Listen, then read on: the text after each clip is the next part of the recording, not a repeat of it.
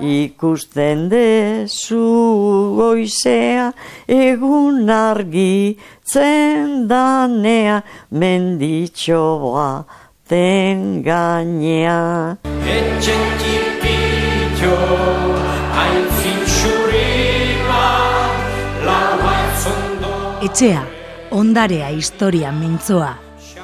Etxea, bizitokia izateaz gain, lantokia, bizitzaren ardatz, eraikin ezberdinak, kultura berbera, euskararena.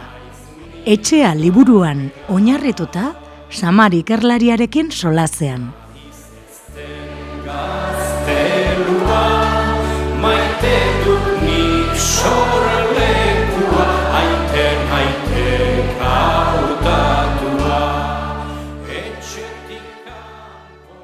Etxea ondarea historia mintxoa liburua dugu bidelagun bilboiria irrateko tarte honetan erro argiteletzeak eta pamialak elkarlanean ateratako e, liburua dugu eta bertan Euskal Herriko etxen ondareanen inguruko azterketa luze eta zakon egiten du samarrek. Eta hori bera, az, e, bueno, errepasatzen e, ari gara tarte txo honetan samarrekin batera. Haupa samar, Kaixo, izan moduz.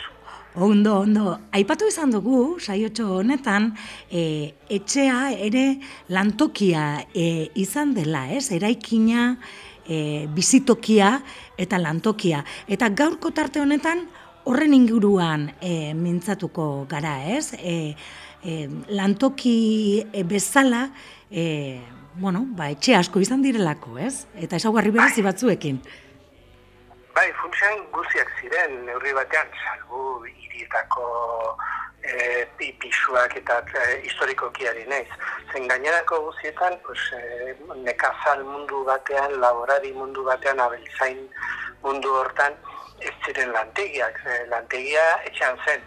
Eta hor, batzutan, e, e, ez dakit, igoitzen zain, kasi gaizki deitu digula eraikin oiei, ez? Etxea deitzen dugulakoz, eta iruditzen zaigu, etxe bizitza dela, dena dela, personak e, erosotasunako eta bertan bizitzeko hemen lo egin, hor jolastu, hemen, mm. hemen bazkaldu, sukaldea, baina uartzen bagara nolakoak ziren etxeak lehengo garaietan, uartzen zara segidan, ba, ba, e, etxearik parterik handiena lantegia zela. Mm Eta etxe bizitzarako bakarrik parte txiki bat zela eskaimia zena, ez? Mhm. Eta izen batzuek ere e, ematen digute pistak ez zer zelan bai. E, egiten ziren bertan. Bai, hori da, e, etxearen izenak askotan ematen zigun bertan bururatzen zen lanaren funtsa. Ba, baldin bazen laborarinek azariena, zen gillenak ziren hola, baina berezika baldin bazen, ba, segidan aurkitzen ditugu beste izen batzuk. Ba, ba nik uste ez dagoela Euskal Herrian herririk e, apesetxea edo apestegia etxeak ez dituena. Mm -hmm.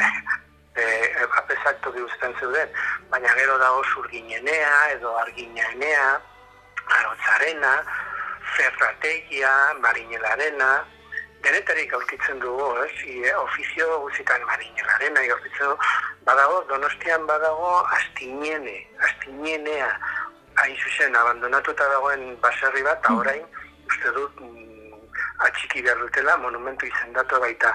Eta astiniene, izenak e, e, erakusten digu, ba bertan, astillero bat zela. Ah? ibai ondoan zegoen, eta mm bertan txalupak egiten zituzten. Mm Orduan etxearen izena zen astinenea. Eta ez bakarrik izena, ez, iparraldean aurkitzen ala, iparraldean beti letretan eh, alfabetatzen minimo zabal bat izan da mendetan zehar, eta aurkitzen dugu etxeak izena duela escribanea. Edo not, not, notaria inia, notarioaren etxea, eta beste maila bat erakusten dugu, baina beti ere etxean egiten zen lan, izten da. Mm -hmm. Dolare. Orain behartu gaituztela.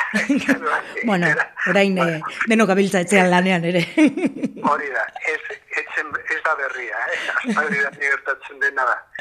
Bueno, dolareak ere badira oso ezagunak ere, ez? Bai, Bai, bereziki dolare, dolare palanka, dolare handiak Mhm. igartu behiten ikusten alden bezalakoa, bai, ziorrizko makina handia zen, zen gaitza, ez? Betetzen zuen, mm, kasik suposatzen zuen etxea zegoela egina e, dolare gainean. Dolare zutabek atxikitzen zutela etxea, hori igartu behiten ikusten alden bezala. E, dolare handi horiek, palanka dolari erraldoi horiek, horiek e, e, erromak ekarriak dira. Mediterranean erabiltzen direnak e, olioa eta eta ardoa egiteko. Eta hemen egokitu ziren e, sagardoa, sagardoa egiteko. Mhm. Eta hori da ikusten duguna, ez? Ba, ba, espazio gaitza harrapatzen dutela etxe barnean, eta baldintzatu egiten duela etxearen egitura guztia, goiti beti. Bai, eh? igartu behiti e, etxean e, e, argi geratzen da, ez? E, dolareak ia etxe oso hartzen du eta gero bizitzarako Bai. leku utzi. Bai, bai, egin diren, azken urtetan egin diren ikerketetan, mm. lehen ez zegoen sobera ongilandua gai hau, ba, e, dolarea desagertu ere, desagertuta ere, ikusten da, etxe, gipuzko aldean bereziki, etxe askotan, ba, zutabe nagusiak, dolare haundi hoietako baten parte izan direla. Mhm. Eta horrela ikusi dute, azer nolako edadura zuen sagardu gintzak, e, izan zen, izugarria. Mhm. Bueno, eta noski, e, lantegia borbor izango zen, ez? E, sagardo e, sasoian. Bai, bai, bai, ikaragarri, eta, eta hori eta zen bakarrik sagardotik bizi. Horregatik ikusten da, bertan igartu daitean, ba, dolare inguruan, ba, belartegia, belarrak txikitzeko eta lehortzeko tokia, edo hartuak eh, lehortzen usteko ere bai. Ba, balkoiak, etxetako balkoiak hain erabiliak azken hontan, etxetako balkoiak ez ziren denbora pasa egoteko eguzkia hartzen. Mhm. Balkoiak zuten, balkoiek zuten galeria deitzen diren aforraldean, galeriek bazuten e, e, asmo bat, eta zen bertan utzi hartua lehortzen, edo piperrak, edo, Mhm. edo, edo, edo arropa, garbitua, edo zein gauza, ez? Ba, ez ziren denbora pasa e, egiteko, ez? Bazuten beti lanarekin lotutako e, eginkizun bat. Mhm. Beraz, argi geratzen zaike, zaigu eraikina batez ere lantokia zela. Ba, bai, nadik eta gabe, gainerako, oza, gainera, beko parten dolare etxetan ere animaliak ere bat ziren, bat zegoen korta, bat zegoen artegia, bat zegoen tresnak e, usteko tokia, gurdia, denetarik, da, ba, ikusten da, parterik txikiena, hasiera batean bederen, ba, masigarren mendean, ikusten da, parterik txikiena, erabiltzen zela, bizitzeko, eta bizitzeko tokia bi ziren funtsean. Logelak, ganbarak, eta sukaldea. Eta sukaldea. Eta besterik ez zen, gero zegoen igual eundegia edo, edo eh, tailerrak zurgin baten kasuan edo olakoak ez. Batez ere lantegiak ziren. Gero emeki emeki bizitzeko aldeak eh, arre, gero eta gehiago, toki gehiago hartu zuen ez. Baina, emeki emeki lantegi parte horiek ateratzen joan zirenean. Tailerra zurgin baten, tailerra handia egiten baldin bazen, behar zuen kanpoan eraiki eta hola ez. Baina hasiera batean dena zegoen tailatupean. Mhm. Esan bezala entzuleren batek, e, gehiago jakin eta argazkiak ikusi nahi izan ezkero, etxea ondarea historia mintzua e, liburua ne, topatuko du. Irrati tartetxo hau, eskaini diogu liburuari eta bueno, ba gutxinaka gutxinaka ibi gure eraikin eta etxen e, ibilbidea ezagutzen gabiltza tartetxo bat eginez astero Samar datorren astean berriro batuko gara hemen e, Bilboiria irratian. Ederki nahi duzuenean. Agur. Agur, ongi izan.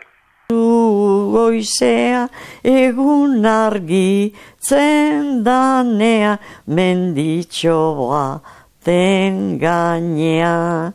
Etxe tipitxo, hain fintxurima. Etxea, ondarea historia mintzoa. Etxea, bizitokia izateaz gain, lantokia, bizitzaren ardatz, eraikin ezberdinak, kultura berbera, euskararena. Etxea liburuan oinarrituta, samar ikerlariarekin solazean.